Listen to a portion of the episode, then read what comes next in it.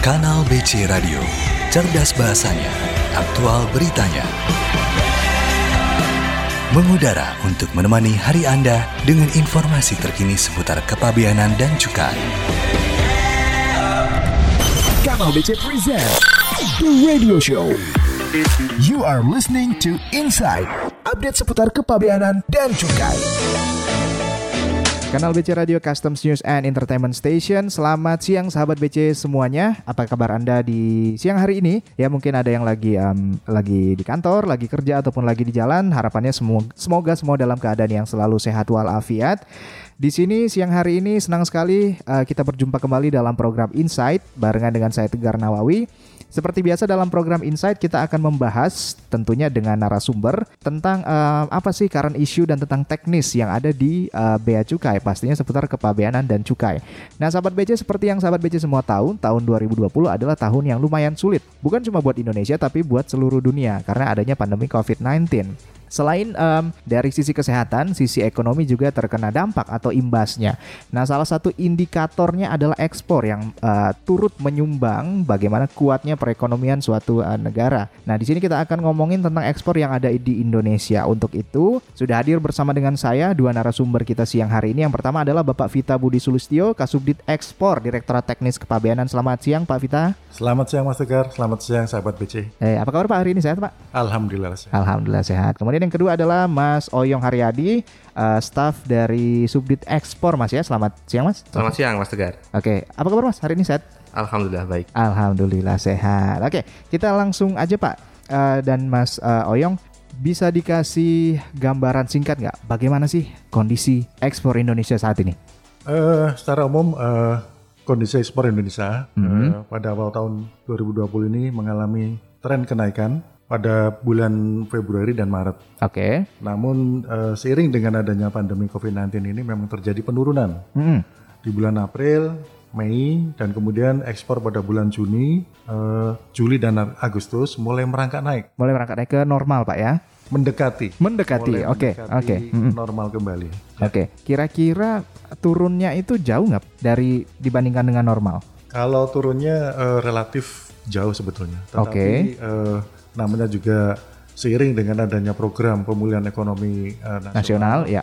sehingga ada beberapa eh, stimulus ekonomi yang diberikan, Oke, baik stimulus fiskal maupun non fiskal, Mm-mm. dan ini sudah mulai dimanfaatkan beberapa pelaku usaha untuk melakukan ekspor. Oke, siap, luar biasa. Eh, semoga bisa tetap dimanfaatkan fasilitas yang Iya. udah ada, Pak ya, Eh, dari PEN Pemulihan Ekonomi Nasional. Oke, eh, Mas Oyong, apa saja sih eh, komoditas atau barang-barang ekspor unggulan Indonesia? Untuk komoditas ekspor unggulan Indonesia sebenarnya ada lumayan banyak, Lumayan banyak, oke. lumayan banyak. Dan eh, kalau kita lihat kebanyakan lebih ke sumber daya alam. Oke, Karena memang kita eh, produk manufakturnya baru sedikit. Oke. Antara lain alas kaki, tekstil dan beberapa elektronik. Mm-mm. Kalau kita lihat dari peringkatnya, Mm-mm. untuk nomor satu adalah masih dipegang oleh minyak bumi. minyak bumi ya, Hmm. oke, Ekspor Minyak bumi. Nomor dua ada CPO dan produk turunannya. oke, Nomor tiga mutiara dan perhiasan. oke, Kemudian diikuti besi dan baja. Lalu kendaraan. Yang saya ini adalah eh, kebanyakan lebih ke mobil ya. Saya mobil ini. CBU ya, Mas, bukan? Iya betul CBU. Oke. Kemudian ada karet dan ban, Mm-mm. mesin, kertas dan peralatan mekanis. Oke, Dan terakhir adalah tekstil atau pakaian jadi. oke. Produk jadinya justru masuk, walaupun masuk 10 besar, tapi di urutan akhir ya. Betul. Oke. Ini kalau boleh tahu data untuk tahun 2020 saja atau emang selama ini seperti ini komposisinya, Mas? Ini adalah data untuk tahun 2020 yang kita ambil dari Januari 1 Januari 2020. Oke. Tapi setiap tahun kalau kita lihat peringkatnya tidak jauh-jauh dari Nggak peringkat jauh ini. ya. Iya. Oke, siap. Nah, di sini kan eh, banyak nih yang eh, mengirimkan pertanyaan terutama melalui saluran layanan informasi Bravo Bea Cukai nih, Mas. Oh iya. Apalagi apalagi eh, sejak pandemi ini kan pas new normal ini orang-orang pada ingin oke saya ingin eh, mengembangkan usaha UMKM mungkin memanfaatkan fasilitas yang sudah diberikan oleh pemerintah. Mereka tanya caranya untuk ekspor gimana sih? Misalnya syaratnya dan lain-lain. Nah, gimana Mas? Bisa dikasih info? Oke. Jadi ketika suatu perusahaan atau per- perseorangan misalnya mau melakukan kegiatan ekspor, Mm-mm. yang harus dia miliki pertama adalah akses kepabeanan. Akses Akses kepabeanan. kepabeanan dalam hal ini berbentuk NIB, nomor induk berusaha. Nomor ya? induk berusaha, oke. Nomor induk berusaha ini didapat dari osn.go.id. Hmm, Itu pengurusannya via online berarti. Mas? Iya betul via online itu di Oke. bawah eh, koordinasi dari BKPM. BKPM ya. Betul. Setelah dia mendapatkan NIB, Ya. maka dia dapat eh, meminta Oke. modul eksportir ke Modul kepala eksportir. ke kantor pelayan terdekat. Ke kantor bea cukai Kantor terdekat bea ya. cukai terdekat. Oke. Nah, dari situ mereka mendapatkan modul PIB, semacam program atau software yang dapat diinstal di komputer masing-masing. Oke. Nah, Modulnya ini untuk apa Mas? Fungsinya. nah, jadi setiap akan melakukan kegiatan ekspor, Oke. setiap eksportir wajib menyampaikan PIB secara transaksional PEB E itu pemberitahuan, ekspor pemberitahuan barang. ekspor barang. Oke. Nah, pembe- PEB ini disampaikan melalui modul tersebut. Hmm, melalui aplikasi itu. Oke. Betul. Nah, setelah eksportir akan melakukan kegiatan ekspor dan menyampaikan PEB-nya, ada beberapa syarat yang harus dilampirkan. Oke, Mm-hmm. apa aja? Antara lain invoice, Invoice, packing list, dan dokumen lartasnya. Eh, terkait dokumen pelengkapnya gitu ya. Oke. Nah. Hanya ada tiga itu. Tapi begitu dia tidak ada dokumen lartasnya, maka cukup dengan invoice dan packing list. Oke, itu saja. Betul. Oke, nanti endingnya atau produk akhirnya itu berupa apa mas? Surat keterangan atau approval atau apa gitu? Jadi setiap eksportir sudah menyampaikan atau melakukan submit PIB, maka eksportir akan mendapatkan respon. Respon, oke. Respon akhirnya adalah berupa nota pelayanan ekspor. Nota Nah, pelayanan ekspor. Hmm, Berupa respon tersebut, Mm-mm. dengan NPE tersebut, Oke. maka eksportir dapat memasukkan barangnya ke kawasan pabean Oke. dan memuat barangnya ke sarana pengangkut yang Oke. akan mengangkut ke luar daerah pabean. Oke, kira-kira nih mas, em, prosesnya nih berapa lama sih waktu yang dibutuhkan dari sejak dia mungkin mengurus ya submit dokumen sampai dia mendapat persetujuan ekspor? Oke. Jadi ada dua jalur yang ada di ekspor. Oke. Pertama adalah jalur hijau, Jalur yang hijau, kedua oke. adalah jalur merah. Hmm, ketika dia masuk ke jalur hijau, maka dari dia submit sampai mendapatkan NPE, ya. maka dalam hitungan menit sekitar 5 sampai 10 menit dia sudah dapat mendapatkan NPE-nya. Wow, dalam hitungan hitungan menit. Betul. Oke, Nah, cepat itu sekali ya. sudah by system. Mm-mm. Selanjutnya ketika dia jalur merah, maka dalam hitungan menit juga maka dia akan mendapatkan respon. Respon. Namanya Oke. respon PPB, pemberitahuan pemeriksaan barang. Oh, harus diperiksa fisik. Betul. Oke. Itu respon memberitahukan kepada eksportir bahwa barangnya harus diperiksa fisik. Oke. Nah, dari situ akan muncul lagi respon pemberitahuan kesiapan barang dari eksportir. Oke. Kemudian dilakukan pemeriksaan fisik, baru setelah dilakukan pemeriksaan fisik akan mendapatkan NPE. Oke, NPE. Betul. Untuk yang jalur merah nih mas, khusus yang jalur merah itu bisa dalam rentang waktu berapa lama? Berapa hari totalnya? Totalnya untuk eh, sistem hanya ada beberapa menit seperti yang sudah Oke, saya sampaikan untuk, sebelumnya. mm, untuk sistem. ya? Mm-hmm. Tapi untuk yang pemeriksaan fisiknya itu tergantung dari jumlah barangnya, Oke, jenis barangnya. oke, Nah, itu lokasi pemeriksaan itu sangat tergantung dari itu. oke, oke, oke. Karena mungkin barangnya terlalu banyak, ya. Betul? Mungkin butuh waktu juga untuk dilakukan pemeriksaan Mm-hmm. Bahkan fisik untuk ya. barang-barang tambang itu pemuatannya bisa sampai satu minggu. Untuk pemuatannya saja Betul. di luar pemeriksaan, mas ya. Betul. Pemeriksaannya kalau lama gitu kita eh, jadi satu sama pemeriksaannya. Oke, siap, siap. Berarti sebenarnya kalau dilihat dari prosesnya, hampir semua sudah terotomasi, mas ya. Artinya tidak ada manual lagi. Tidak ada yang manual. tidak ada manual lagi. Dimulai dari pengurusan awalnya NIB nomor induk berusaha ya. Ya, Awalnya harus punya ini, kemudian nanti untuk eh, submit formulirnya melalui aplikasi PEB pemberitahuan ekspor barang yang bisa didapatkan di kantor bea cukai terdekat ya. iya betul. Oke, siap. Seka- nanti saya akan tanya lagi tentang pemeriksaan fisik Mas karena karena kan yang sekarang pemeriksaan oleh surveyor sudah tidak ada ya. Oh, tapi jangan dijawab dulu Mas. Oke, betul. nanti kita akan Siap, obrolin siap, di siap. sesi selanjutnya. Sahabat BC jangan kemana mana kita masih akan ngobrol dengan Pak eh, Vita dan Mas Oyong. So, stay tune di kanal BC Radio. Kanal BC Radio, komitmen kami jadikan bea cukai makin baik.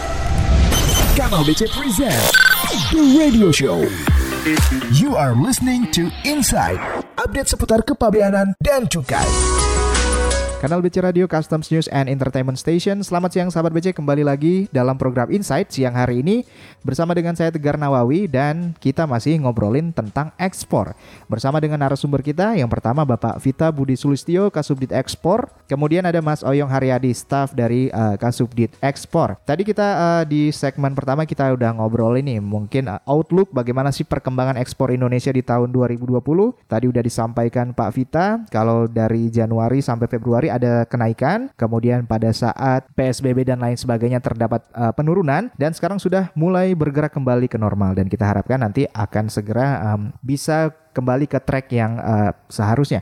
Oke, Pak Vita, Iya Mas Tegar. di sini kan ada juga eh, istilah namanya re-export dan juga ada namanya ekspor sementara. Nah, itu seperti apa, Pak? Baik, sahabat BC, eh, terkait reekspor, bahwa konsep reekspor saat ini ada dua macam, yaitu reekspor sebagai penyelesaian impor sementara yang diatur dengan PMK 178 tahun 2017 Oke. tentang eh, impor sementara dan ekspor kembali barang impor yang diatur dalam PMK 102 tahun 2019. Oke. Reekspor eks impor sementara wajib mencantumkan dokumen asal atau PIB dan skep impor sementara serta dilakukan pemeriksaan fisik.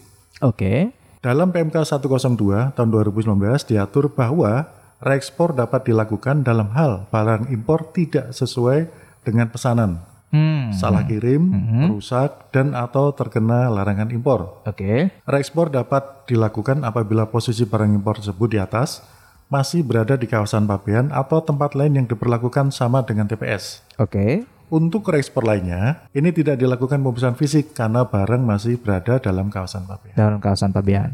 Kemudian untuk ekspor sementara, atau lebih tepatnya ekspor untuk diimpor kembali, Oke. hingga saat ini belum diatur khusus secara detail terkait ekspor untuk diimpor kembali termasuk terkait jangka waktu, Oke. sehingga kurang tepat menggunakan terminologi ekspor sementara. Oke. Ekspor untuk impor diimpor kembali secara umum juga dapat dibagi menjadi dua, yaitu ekspor untuk diimpor kembali dengan menggunakan PIB umum atau BC30 dan pemberitahuan barang untuk dibawa kembali oleh penumpang atau awak sarana pengangkut dengan BC34.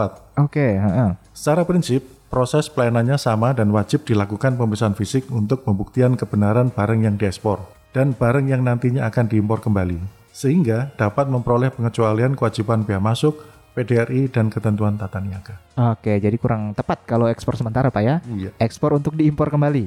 Oke, istilahnya. Tadi juga kalau untuk re-ekspor itu eh, untuk barang-barang dengan eh, beberapa kriteria seperti salah kirim gitu, Pak ya. Terus rusak, terus eh, terkena larangan impor. Kalau misalnya re-ekspor gitu kan, Pak, pasti ada biaya yang timbul tuh, Pak, untuk mengirim kembali. Nah, itu biaya itu ditanggung oleh siapa, Pak? Terkait biaya-biaya eh, di proses eh, clearance untuk ekspor ataupun impor, Oke. tentu saja itu adalah terkait biaya pengurusan barang di pelabuhan. Iya, Ya, benar. Non istilahnya eh, biaya yang memang bukan eh, untuk kegiatan-kegiatan kepabeanan. Oke. Sehingga kalau di bea cukai jelas tidak ada biaya. Oke, tidak ada pungutan sama sekali untuk eh, pelayanan ekspor, Pak ya. Kalau untuk em, ekspor masker atau mungkin APD nih, Pak, yang saat ini banyak sekali ditanyakan nih. Ya kan, apalagi pas awal-awal PSBB kemarin, banyak muncul di media di berita, wah kenapa Indonesia kekurangan kok malah ekspor? Sebenarnya dilarang atau tidak ekspor masker itu seperti apa, Pak? Eh, memang eh, setelah pandemi memang kita menyadari bahwa ada ke- kebutuhan atas ketersediaan masker, Masker. dan alat pelindung diri Iya, heeh. yang marak juga di media Heeh. terkait dengan eh, banyaknya eh, apa eh, korban dari tenaga Covid, medis, ah, ah, tenaga medis. dan sebagainya sehingga ini menjadi marak dan kemudian dilakukan eh, pengaturan khusus Oke. bahan baku masker, kemudian masker dan APD sejak akhir Juni 2020 menjadi Mm-hmm. barang yang dibatasi ekspornya. Dibatasi ekspornya. Sejak kapan tadi, Pak? Eh, akhir Juni 2020. Sejak akhir Juni, oke.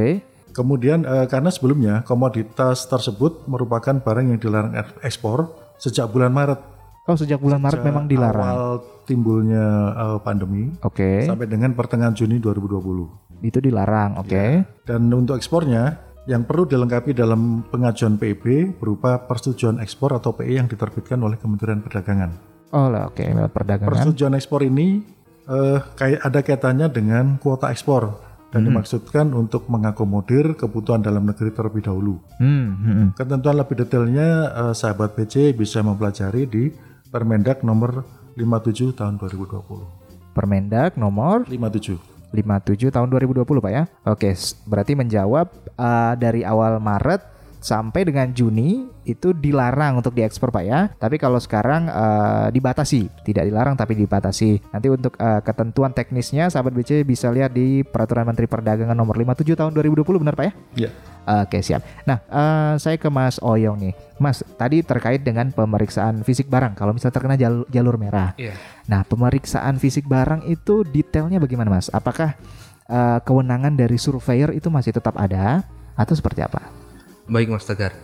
Jadi gini, kalau untuk pemeriksaan barang sebenarnya kan kalau untuk ekspor ini ranahnya di bea cukai. Heeh. Kemudian ada beberapa waktu, beberapa waktu lalu ada namanya penghapusan laporan surveyor. Oke. Nah, untuk penghapusan laporan surveyor ini baru yang dihapuskan adalah untuk ekspor berupa komoditi CPO dan produk turunannya Oke. dan minyak yang diekspor melalui pipa.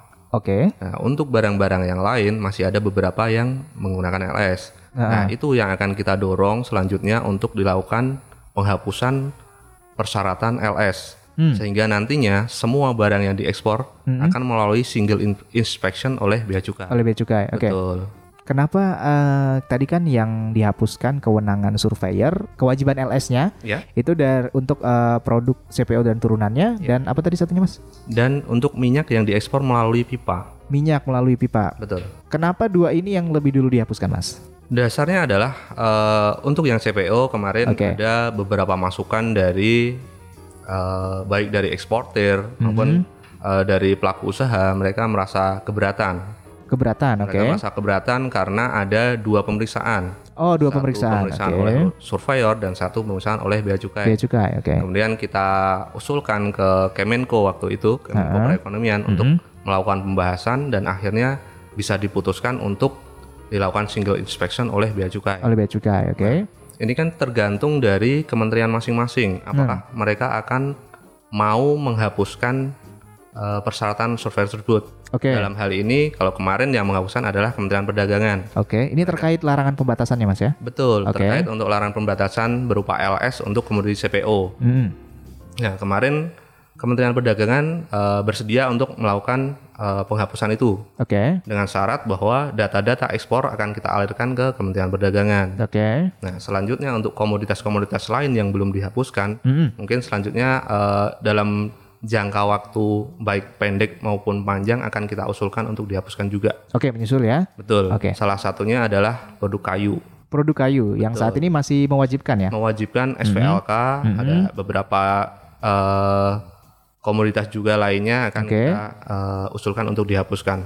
Oke, siap. Eh, kan berarti kalau sudah dihapuskan berarti kan single inspectionnya cuma dari bea cukai untuk pemeriksaannya, Mas ya? Betul, untuk pemeriksaan ekspornya. Nah, sementara kan misalnya kita em, lihat misalnya untuk CPO dan turunannya, itu kan untuk pemeriksaannya kita harus eh, mengukur volumenya dan lain-lain ya kan, misalnya untuk eh, yang cair, yang cairan seperti itu. Nah, apakah memang pemeriksa bea cukai sudah bisa untuk melakukan itu, sudah punya kemampuan pemeriksaan itu, Mas? Betul. Jadi se- eh, kalau kita lihat sejarahnya melalui PMK nomor 22 tahun 2019 Oke. itu adalah pertama kalinya kita menghapuskan persyaratan laporan surveyor. Dari situ secara paralel kita melakukan lokakarya di 11 kota. Kita melakukan diklat-diklat untuk melakukan pengajaran, melakukan eh, Training gitu pelatihan, ya. training Ah, oke. kepada eh, pemeriksa-pemeriksa barang kita agar mereka bisa eh, mengambil alih eh, tugas-tugas pemeriksaan yang sebelumnya diemban oleh surveyor. Surveyor. Oke. Betul. Mm-mm. Kalau misalnya eh, pemeriksaan melalui surveyor, berarti ada biaya lagi yang dikeluarkan Betul, ada biaya. ke surveyornya. Iya, Oke siap. Berarti kalau uh, single inspection tidak ada biaya sama sekali mas ya? tidak ada biaya sama sekali. Oke luar biasa. Nah kita kembali obrolin ke pemeriksaan jalur merah nih mas. Kadang untuk pemeriksaan jalur merah itu apakah yang diperiksa cuma fisik barangnya atau dokumennya juga yang diteliti? Untuk pemeriksaan jalur merah dalam hal ini ekspor, Ah, ada dua yang diperik- diperiksa. Oke Satu ada pemeriksaan fisik barang. fisik barangnya. hmm. Nah, Untuk fisik barang sebenarnya bisa dilakukan uji laboratorium atau Uji lab. tidak. Iya oke. Tergantung dari kondisi fisik barangnya. Apakah pemeriksa bisa mengetahui secara fisik dengan mata telanjang atau harus dilakukan uji laboratorium? Oke, nggak bisa pakai indera keenam gitu. Oh, nggak bisa. Oke, takutnya salah ya. Siap. Oke, Kemudian dari hasil itu di hasilnya dialirkan ke PPDE. PPDE E itu apa Oh, mas? Oh. PPDE E adalah pejabat pemeriksa dokumen ekspor. Oke. PPDE E yang akan memeriksa apakah hasil pemeriksaan fisik yang dihasilkan oleh pemeriksa barang tersebut Mm. sama dengan dokumen PEB yang diberitahukan oleh eksportir. Oke. Nah, dari situ akan ketahuan apakah sesuai atau tidak. Dalam hal sesuai maka terbit NPE, Mm-mm. dalam Hmm, Kalau hal tidak, tidak, sesuai maka di- dapat diterbitkan SPPBK. SPPBK itu apa mas? SPPBK adalah surat penetapan perhitungan bea keluar. Oke. Dalam hal ini apabila terjadi kekurangan pembayaran bea keluar. Tadi yang menarik adalah tentang pengiriman eh, ke laboratorium. Betul. Berarti kan itu untuk ujinya mas. Iya, Nah, apakah eh, pe- nota approvalnya atau persetujuannya itu menunggu hasil labnya atau seperti apa mas? kita bedakan antara produk CPO dan produk lainnya Oke. karena eh, keduanya cut ada dua aturan yang berbeda Oh berbeda. Oke. Iya. dalam hal eh, produk CPO ketika kantor tersebut sudah mempunyai lab Mm-mm. sudah mempunyai didukung lab bea cukai Mhm. maka NPE harus menunggu hasil uji lab Oke. dalam hal dia tidak mempunyai lab, Lab. mm-mm. maka NPE eh, dapat diterbitkan tanpa menunggu hasil uji lab Berarti saat ini kan tidak semua kantor memiliki lab sendiri mas ya? Betul. Jadi eh, untuk yang kantor tidak memiliki laboratorium maka harus dikirimkan ke laboratorium terdekat dan Oke. mereka harus menunggu ada prosesnya. Kira-kira lama nggak prosesnya mas? Untuk pengiriman de- sampai dengan eh, hasil uji lab keluar kira-kira bisa sampai 4 sampai 5 hari. 4 sampai lima hari untuk dan ujinya ya. kemungkinan Oke. kapal sudah berangkat.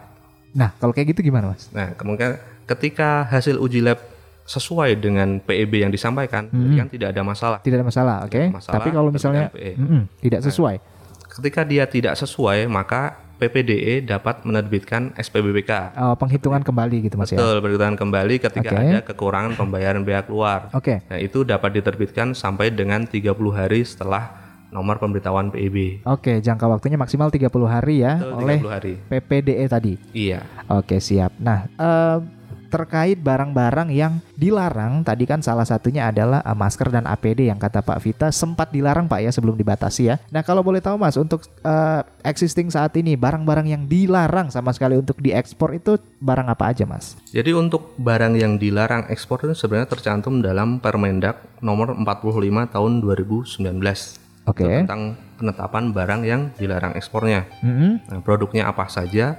Meliputi komoditas karet alam, Oke. beberapa jenis kayu, hasil tambang murni dan cagar budaya. Oke. Nah, itu juga tergantung dengan HS code masing-masing. Oke. Ini nanti bisa dicek di HS code-nya di Permendak tersebut. Mm-mm. Nanti bisa sahabat BC bisa lihat di Permendak 45 tahun 2019 apakah barang-barang dengan HS tersebut dilarang ekspornya atau tidak. Oke, siap.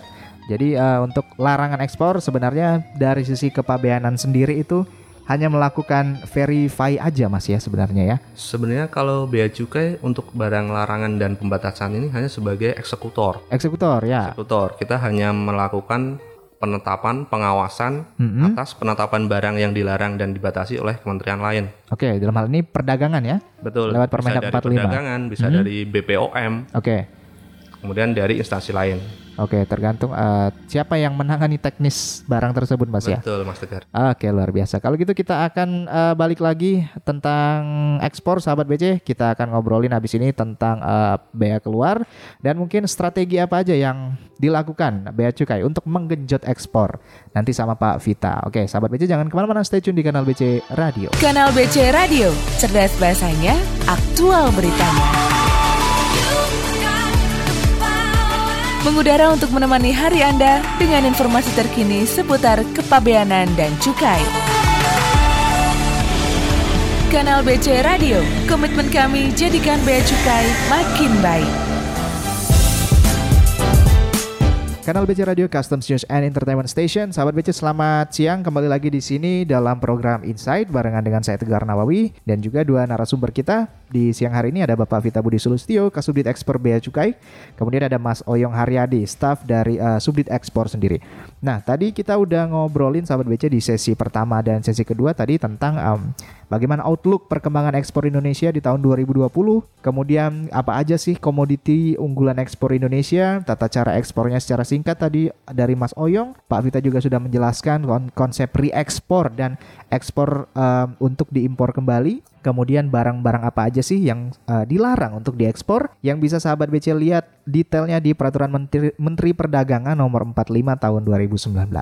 Nah sekarang eh, saya pengen tanya ke Mas Oyong, Eh, Mas kalau namanya ekspor kan ada yang namanya bea keluar, Oh ya iya, bea kan? keluar. Bea keluar. Nah bea keluar ini dikenakan atas komoditi apa saja Mas eh, sampai dengan sekarang? Untuk komoditi yang dikenakan bea keluar itu didasarkan di PMK nomor 13 tahun 2017. PMK 13 Mas ya? 2017, 2017, yang sudah oke. diubah di PMK 164 2018. Oke. Barang-barang yang dikenakan bea keluar ada biji kakao, Biji kakao. produk hasil pengolahan mineral logam, Oke.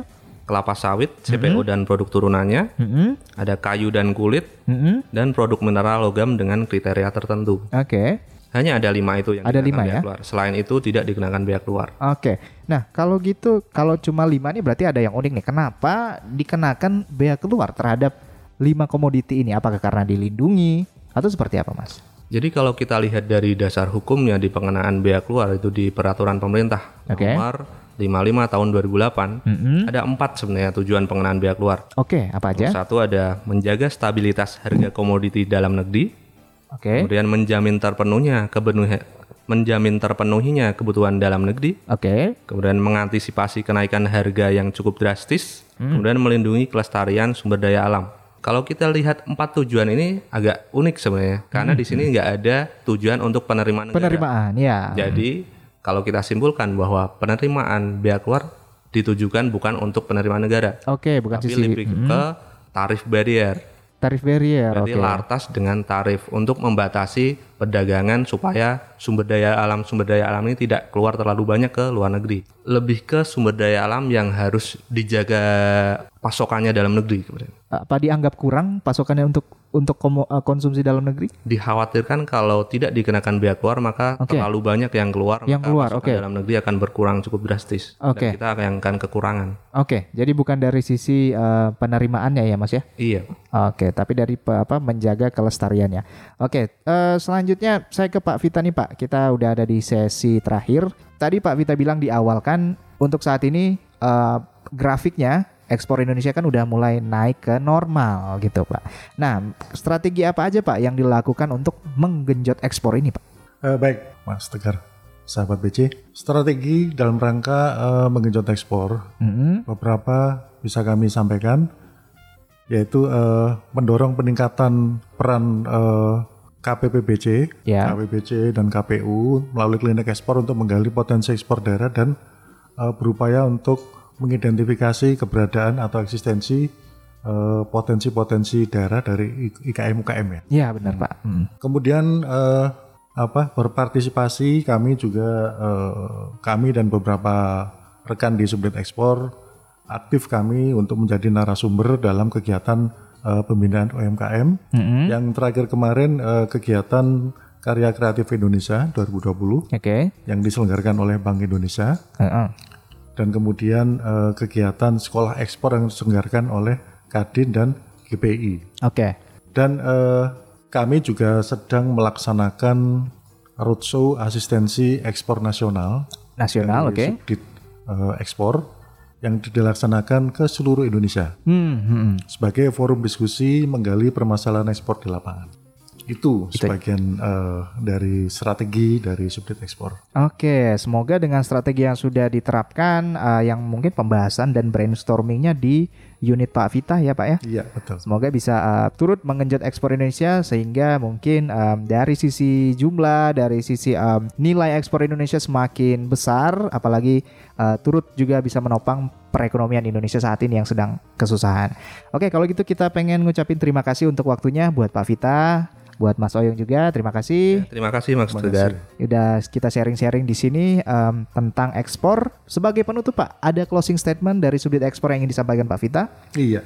Untuk perlu kami sampaikan untuk seluruh sahabat BC di seluruh Indonesia. Sebagaimana eh, diketahui, di masa pandemi COVID-19 ini pemerintah berupaya menggerakkan perekonomian Oke. melalui program pemulihan ekonomi nasional atau PEN. Kementerian Keuangan dalam hal ini Ditjen Bea dan Cukai Hmm. memegang peran sangat penting dalam program PEN ini, baik melalui sinergi dan pembahasan bersama kementerian lembaga terkait, asosiasi e, pelaku usaha ataupun eh, melalui eh, penyesuaian regulasi. Subdit ekspor Ini juga telah eh, melakukan inisiatif melaksanakan program eh, roadshow asistensi ekspor nasional, tentu saja melalui Fitcon Hmm. ya, Ya, karena kondisi begini. ya, benar Pak. Ke seluruh kanwil, KPU, kantor pelayanan di seluruh Indonesia. Dimulai dari putaran satu di Sumatera, kemudian ada putaran dua di Maluku dan Papua, putaran tiga di Sulawesi dan Kalimantan, dan yang ini masih eh, eh, masih berlangsung adalah rencana berikutnya di Bali Nusra dan penutup adalah wilayah Jawa. Wilayah Jawa. Tujuan roadshow, roadshow asistensi eh, ekspor nasional ini adalah untuk mengidentifikasi permasalahan ekspor di daerah, komoditi unggulan, upaya yang telah dilakukan Kanwil, kantor pelayanan untuk mendorong ekspor, Oke. eh, mengidentifikasi pola koordinasi dengan Pemda dan masukan terkait hal apa yang bisa disupport oleh subdit ekspor. Kami di subdit ekspor kantor pusat Direktorat Teknis juga memberikan apresiasi atas eh, extra effort teman-teman bacukai di daerah dalam mendorong ekspor melalui program klinik ekspor atau yang semacam itu Oke. yang telah secara nyata mampu bersinergi dengan pihak terkait di daerah untuk mendorong ekspor termasuk produk IKM-UKM.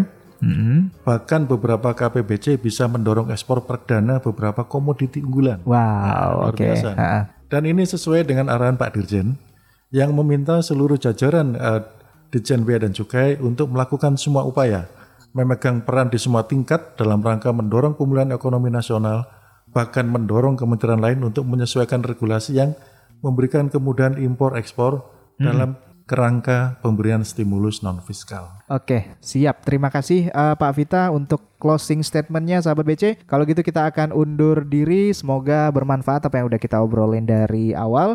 Terima kasih untuk atensi dan kebersamaannya. Oh ya, sebagai informasi untuk sahabat BC yang terlewat, obrolan kita nanti bisa eh, mendengarkan lewat podcast kita di Spotify at kanal Bea Cukai. Sekali lagi terima kasih Pak Vita dan Mas Oyong. Terima kasih Mas Oh, Untuk Tegar. waktunya. Terima kasih Abad Terima kasih, Bejo. Mas terima Tegar. kasih kopinya. Oh siap. Nanti kita akan undang-undang lagi untuk obrolan selanjutnya Pak. Dan akhir kata yang bertugas ada saya Tegar Nawawi undur diri. Selamat siang, selamat melanjutkan aktivitas Anda. Ingat jaga kesehatan selalu. Have a nice day. Bye. Kanal BC Radio, cerdas bahasanya, aktual beritanya. Mengudara untuk menemani hari Anda dengan informasi terkini seputar kepabeanan dan cukai.